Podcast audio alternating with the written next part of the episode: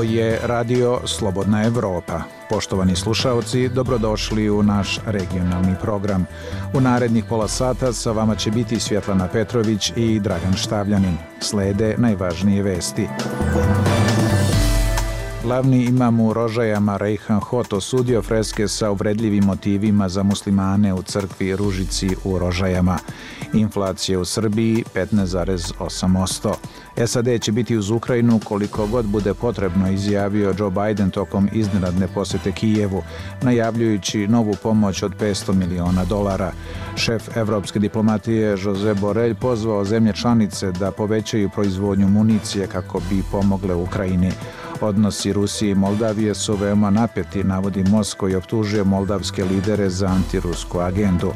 Hrvatska je jedna od četiri zemlje članice Evropske unije koja će imati strateške rezerve materijala i opreme u slučaju hemijske, biološke, radiološke i nuklearne pretnje, objavila Evropska komisija.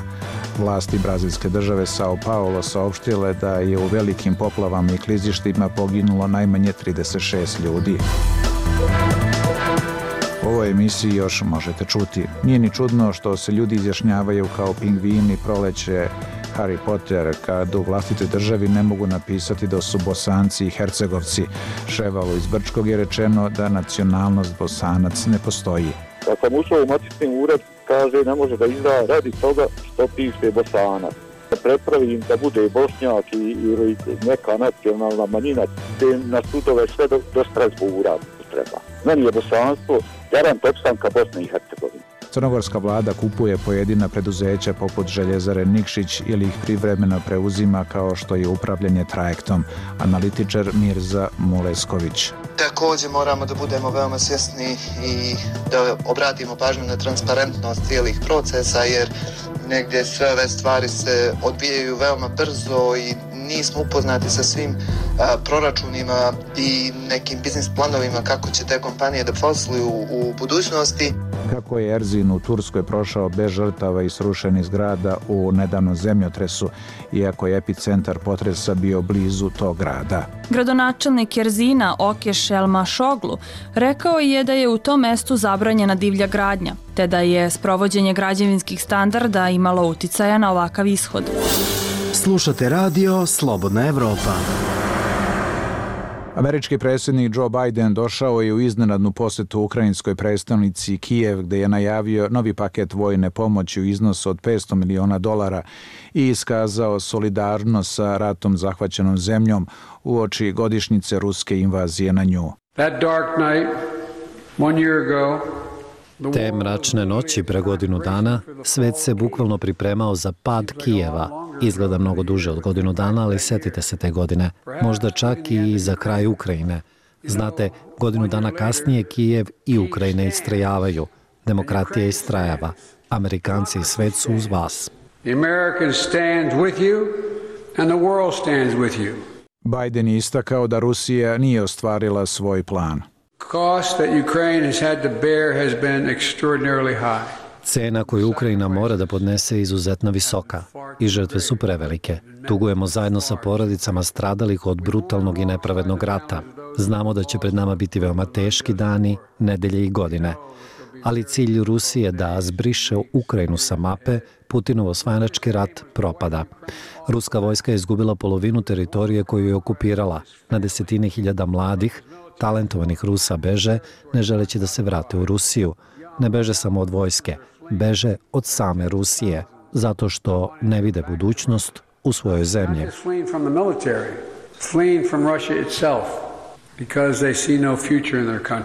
Biden je naglasio da će SAD biti uz Ukrajinu koliko goto bude potrebno. Washington, not long ago you told us, you told the Congress, U Vašingtonu ste nam davno rekli, u kongresu citat, nemamo straha niti ga treba bilo ko na svetu da ima. Kraj citata. Vi i svi Ukrajinci, gospodine predsjedniče, svakog dana podsjećate svet šta znači reč hrabrost i svih sektora vaše ekonomije, svih sfera života. To je zadivljujuće. Vi nas podsjećate da je sloboda neprecenjiva. Za nju se vredi boriti koliko god je potrebno i toliko ćemo biti sa vama, gospodine predsjedniče, koliko god treba. Bajdenov domaćin, ukrajinski predsjednik Volodomir Zelenski je zahvalio na pomoći. Ja znam što. Znam da se očekuje moćan paket odbrambene podrške Ukrajini i upravo on sada direktan signal da ruski pokušaj revanša neće imati nikakve šanse. Zajedno ćemo zaštititi ukrajinske gradove i naš narod od ruskog terora i ojačati put ka našoj pobjedi. I potužno zmicnemo impuls do našoj premoge. Ukrajinski predsjednik Volodomir Zelenski. Predsjednik SAD je krajem marta prošle godine posjetio Poljsku, ali nije prelazio granicu u susjednu Ukrajinu. Ukrajinski predsjednik posjetio je SAD krajem prošle godine obrativši se između ostalo kongresu.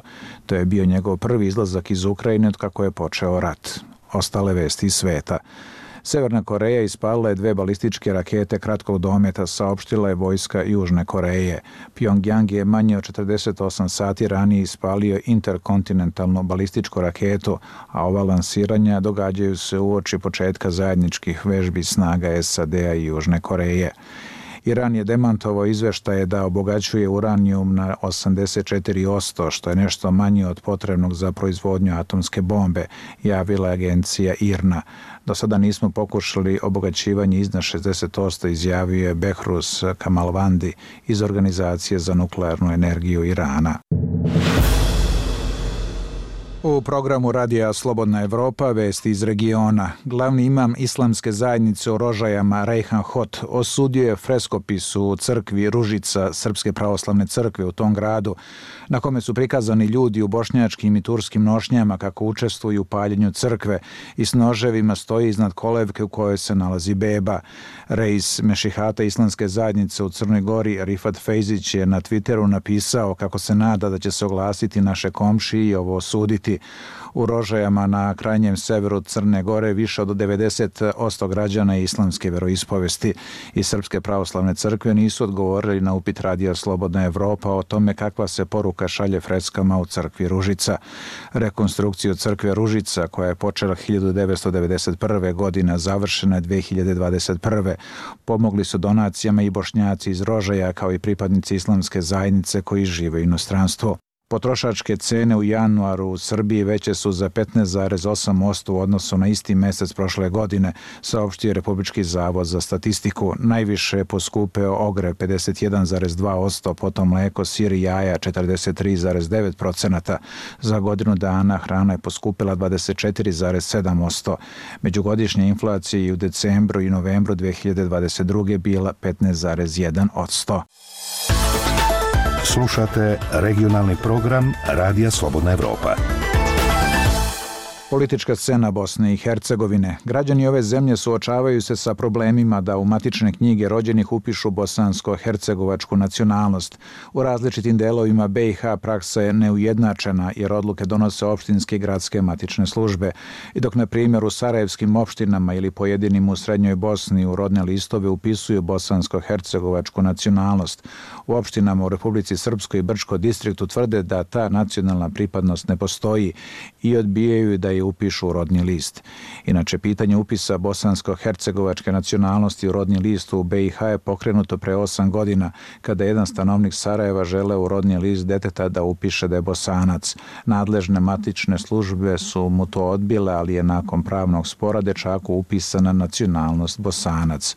Više pojedinosti Marija Augustinović. Bošnjak, Srbin, Hrvat, Rom, Nijemac, to su samo neke od opcija između kojih je mogao birati Ševal Memić iz Brčkog, upisujući svoju nacionalnu pripadnost u matičnu knjigu rođenih. No ovaj 67-godišnjak odlučio je da se izjasni kao bosanac. 2019. godine matičnom uredu podnio je pisani zahtjev za upis nacionalne pripadnosti u matičnu knjigu rođenih. Tada mu je to i odobreno, No situacija se promijenila u februaru ove godine kada je Ševal zatražio novi primjerak rodnog lista i kada mu je rečeno da je došlo do greške i da nacionalnost bosanac ne postoji. Da sam ušao u matični ured, kaže ne može da izda radi toga što piše bosanac.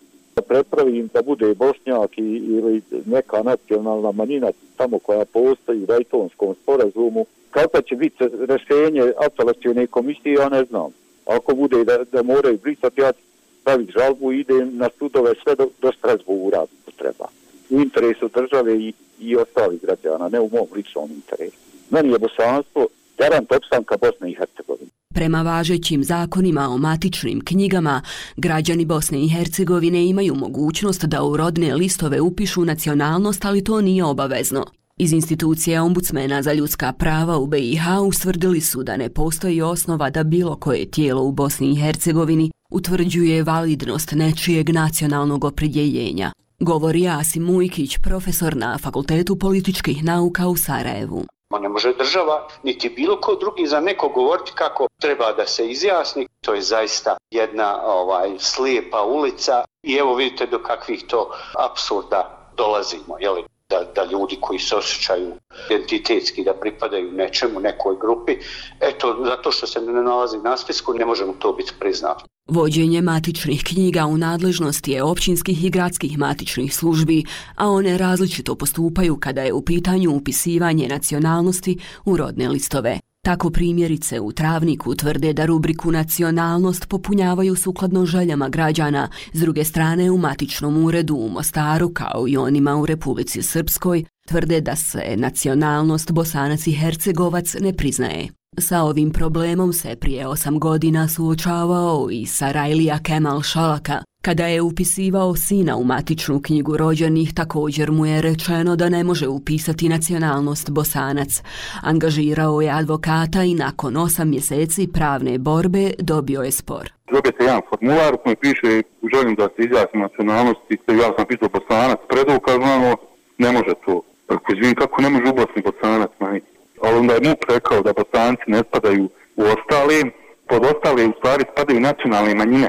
Međutim, pošto bosanci nisu spadali u to, rekli ljudi, upište kako je čovjek tražio. Nema zakonskih prepreka. Ustav Bosne i Hercegovine prepoznaje tri konstitutivna naroda, odnosno Bošnjake, Hrvate i Srbe, stanovnike koji pripadaju u kategoriji ostalih, te građane Bosne i Hercegovine.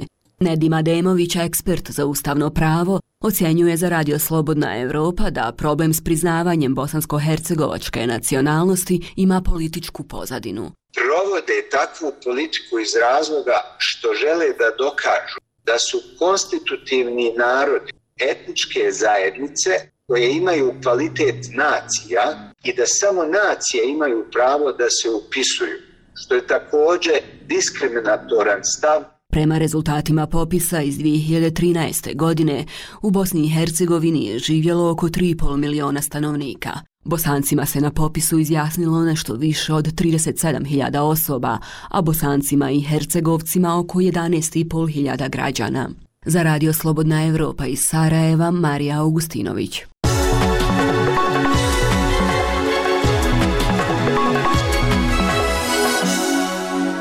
Odavanjima Srbije za Kosovo, koja su udvostručena od 2008. kada je proglasilo nezavisnost, zaključno sa 2021. godinom, pokazuju završni računi koje je usvojila Skupština Srbije. Prilog Mile Đurđević. Podaci dostupni u dokumentaciji pokazuju da su izdvajanja za Kosovo 2008. iznosila 52,3 miliona evra, da bi 2021. dostigla 124,2 miliona evra. Radio Slobodna Evropa je analizirao podatke dostupne u okviru završnih računa budžeta od 2008. do 2021. godine, što su posljednji javno dostupni podaci.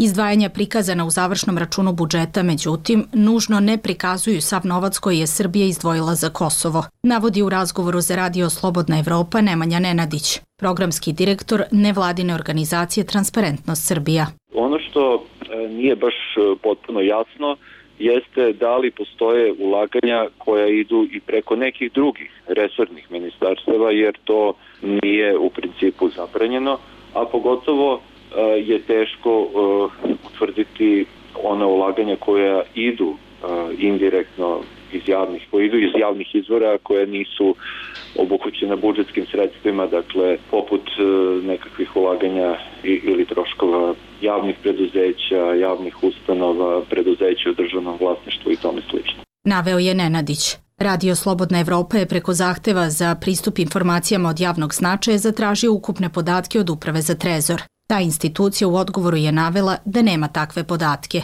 15 godina od proglašenja nezavisnosti Kosova, Srbija ne priznaje Kosovo kao nezavisnu državu.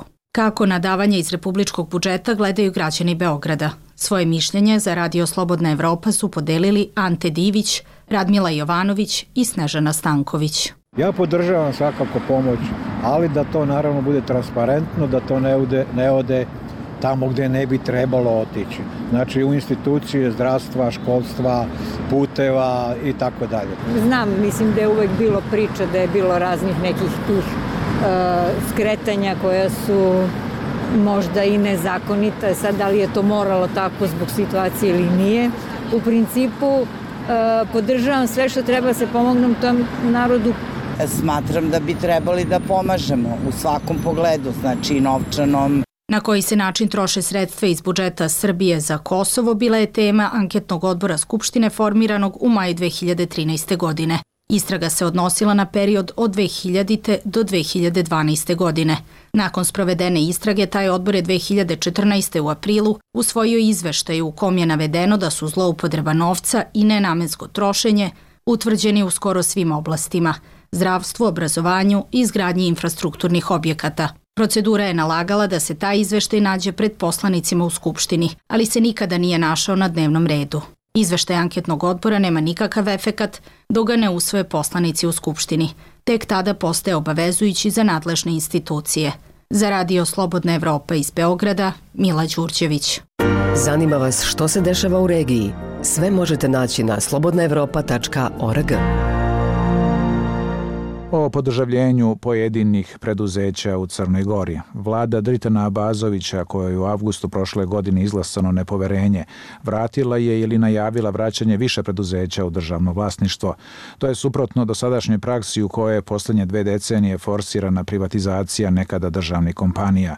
Dok ekonomski analitičari kritikuju ove odluke vlade, sindikate, kako ističe za Radio Slobodna Evropa, iskustvo privatizacija naučilo da je mnogo bolje za vlasnika imati imati državu nego privatnog poslodavca.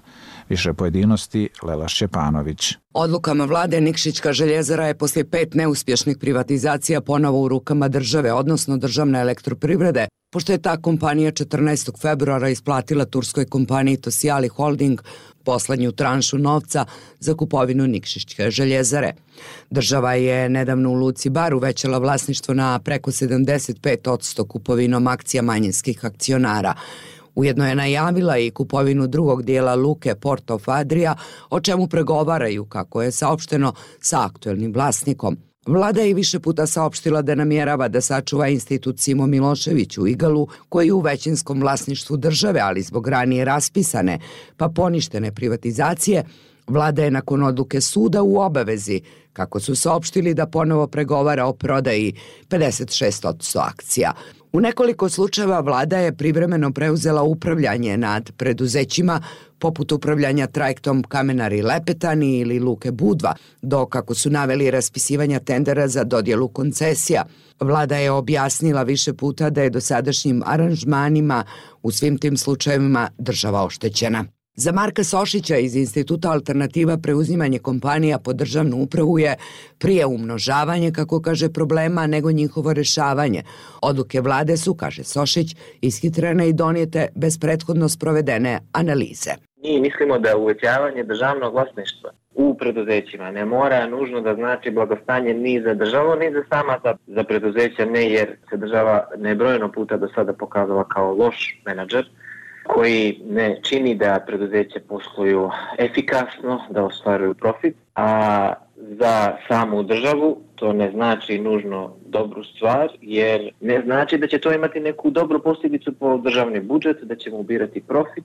I ekonomski analitičar Mirza Mulešković za naš program ističe da su odluke donijete brzo, da javnost nije upoznata sa proračunima i biznis planovima tih kompanija, navodeći posljednji slučaj trajektne linije raskinuti ugovor, a sa druge strane nismo obezbijedili kvalitetno, kvalitetno rešenje. Mulešković dodaje. Praksa je pokazala, a i iskustvo koje imamo iz Crne Gore, da upravo te kompanije koje su u privatnom vlasništvu mnogo bolje funkcionišu u odnosu na one koje jesu u državnom vlasništvu.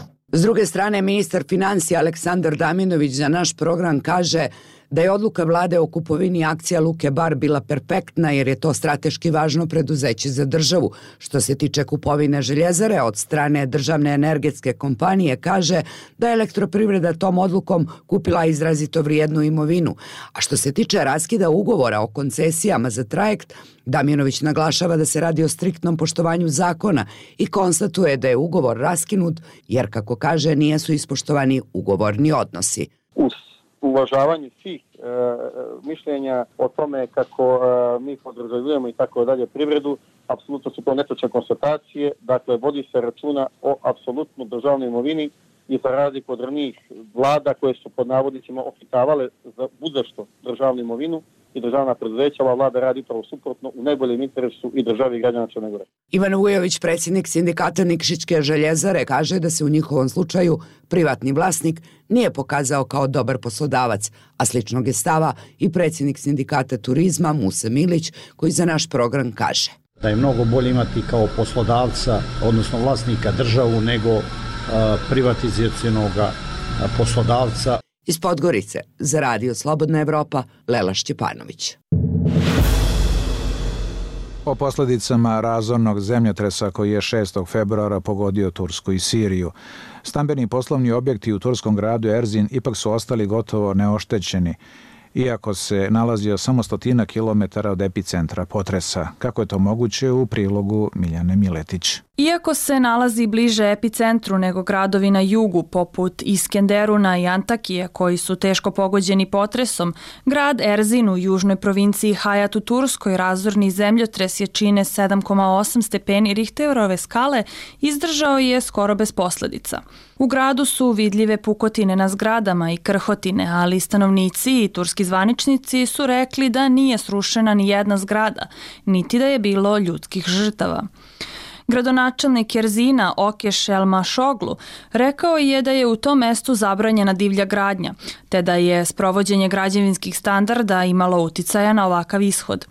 Međutim, građevinski inženjeri i seizmolozi su rekli da nije samo sprovođenje građevinskih propisa zaslužno za male posledice. Kako su rekli, dobrim delom uticaja je imala i geologija, te da je Erzin imao sreće jer se nalazi na čvrstom tlu.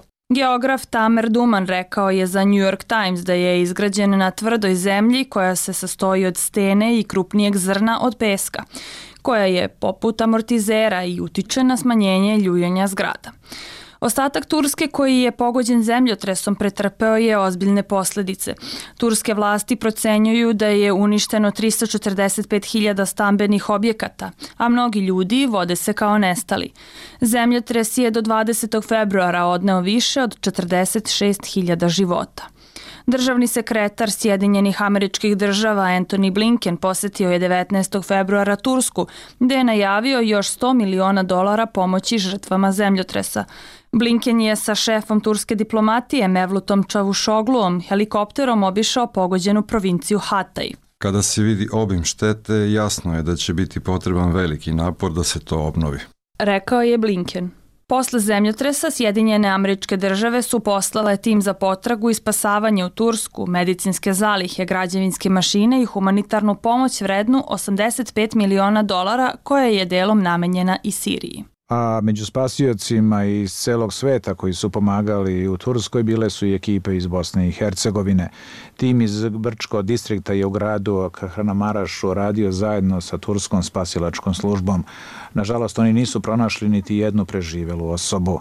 Priču sa njima zabeležio je Zoran Matkić. U spasilačkom timu iz Brčko distrikta upućenom u Tursku bilo je deset pripadnika civilne zaštite i dva iz Brčanskog crvenog križa.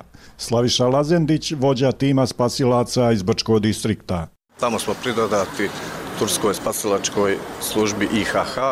Sa njima smo vršili potragu za preživjelim. E, međutim, pošto smo radili na objektima koji su totalno urušeni, nismo pronašli nikog preživjelog.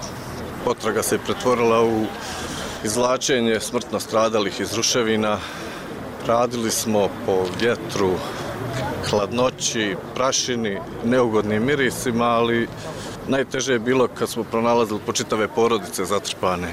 Među brčanskim spasiocima u Turskoj bila je Emina Hasikić. Kaže da će stravične slike iz turskog grada Kahraman Maraša i tragične sudbine tisuću nesretnih ljudi i njihovih obitelji vjerojatno pratiti cijeli život. Drugačije kad gledaš na televiziji, drugačije je tamo kad si uživo. To su velika stradanja. Imali smo znači jednog djeda, imali smo doktora koji je otišao da radi i u Ankari i znači e, kad se vratio, znači u zemljotresu su mu svi stradali i bez obzira koliko je doktor, on se slomio. Znači, da smo mi svi plakali. Onda imali smo jednog djeda koji je pet dana, pet e, žrtava imao svojih najmilijih. Još mnogo je i drugih tragičnih ljudskih sudbina kojima su svjedočili brčanski spasioci. Hasikić kaže da ju je jedan prizor naročito potresao. Turci su jako detaljni, znači e, sve iznose ispod ruševina. E, kad sam vidjela ruksak od djevojčice koja je drugi razred, koji imam dijete treći razred, jako teško. To, to se treba doživjeti. To je jako teško. Znači imam troje djeci. Kad sam to vidjela, tu sam se slomila. Slaviša Lazendić ističe da pomoć stradalom stanovništvu Turskog grada Kahraman Maraša stalno pristiže. Trenutno, koliko sam ja primijetio, oni imaju sasvim dovoljno i hrane, imaju punktovi na svakom dijelu grada, sasvim dovoljno imaju hrane, imaju vodu. Mislim, neke medicinske možda ekipe, medicinske potrebštine, smještaju bolnicama i tako to. Za Radio Slobodna Europa iz Brčkog distrikta, Zoran Matkić. Ovo je regionalni program Radija Slobodna Evropa. Slušajte nas svaki dan u 18 i 22 sata. O rastu stanarina u Hrvatskoj. Vlada najavljuje da će u situaciji kada cene najma stanova lete u nebo finansijski pomoći studentima subvencionisanjem dela stanarina. Prve kritike kažu da mera neće imati svrhe i da će taj novac na kraju završiti kod stanodavaca. Vlada ima način da reguliše cene najma stanova, ali to ne čini, kažu, u nevladinom sektoru, a najbolji lek bila bi izgradnja javnih stanova za najam.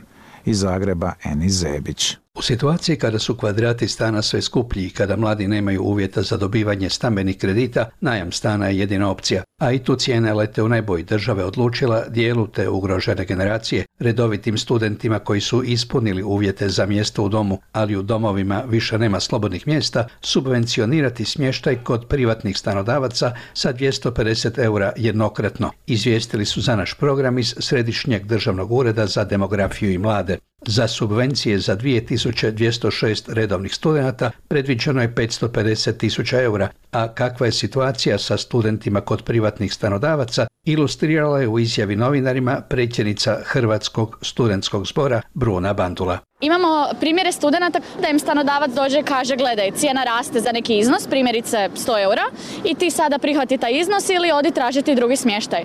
Tržište je tako da će stanodavac naći nekog drugog koji će prihvatiti isti taj stan po navedenoj cijeni i studenti su na taj način stavljeni u izuzetno neugodan položaj. Garsonjera od 25 kvadrata u Zagrebu iznajmljuje se za 450 eura, dvosobni stan od 50 kvadrata na periferiji 550 do 600 eura, a bliže centru i do 750 eura mjesečno. Uz te cijene za 9 mjeseci boravka u mjestu studiranja, jednokratnih 250 eura bit će tek kap u moru. U nevladinoj udruzi Pravo na grad nisu zadovoljni ovom vladinom mjerom. Mauro Sirotnjak iz udruge Pravo na grad praktički tom najavljenom mjerom za subvencioniranje najma, dodatni transfer javnih sredstava išao bi vlasnicima stanova, gdje bi puno veću korist imali vlasnici, a ne najmoprimci, jer bi oni dalje bili izloženi tržištu koje već sada ne pruža dovoljno sigurnost. Krovni zakon o najmu pruža mogućnost zaštite najmoprimaca, međutim dok se u turističkom sektoru najam kontrolira sa krajnjom pedantnošću, kod najma stambenog prostora to nije slučaj.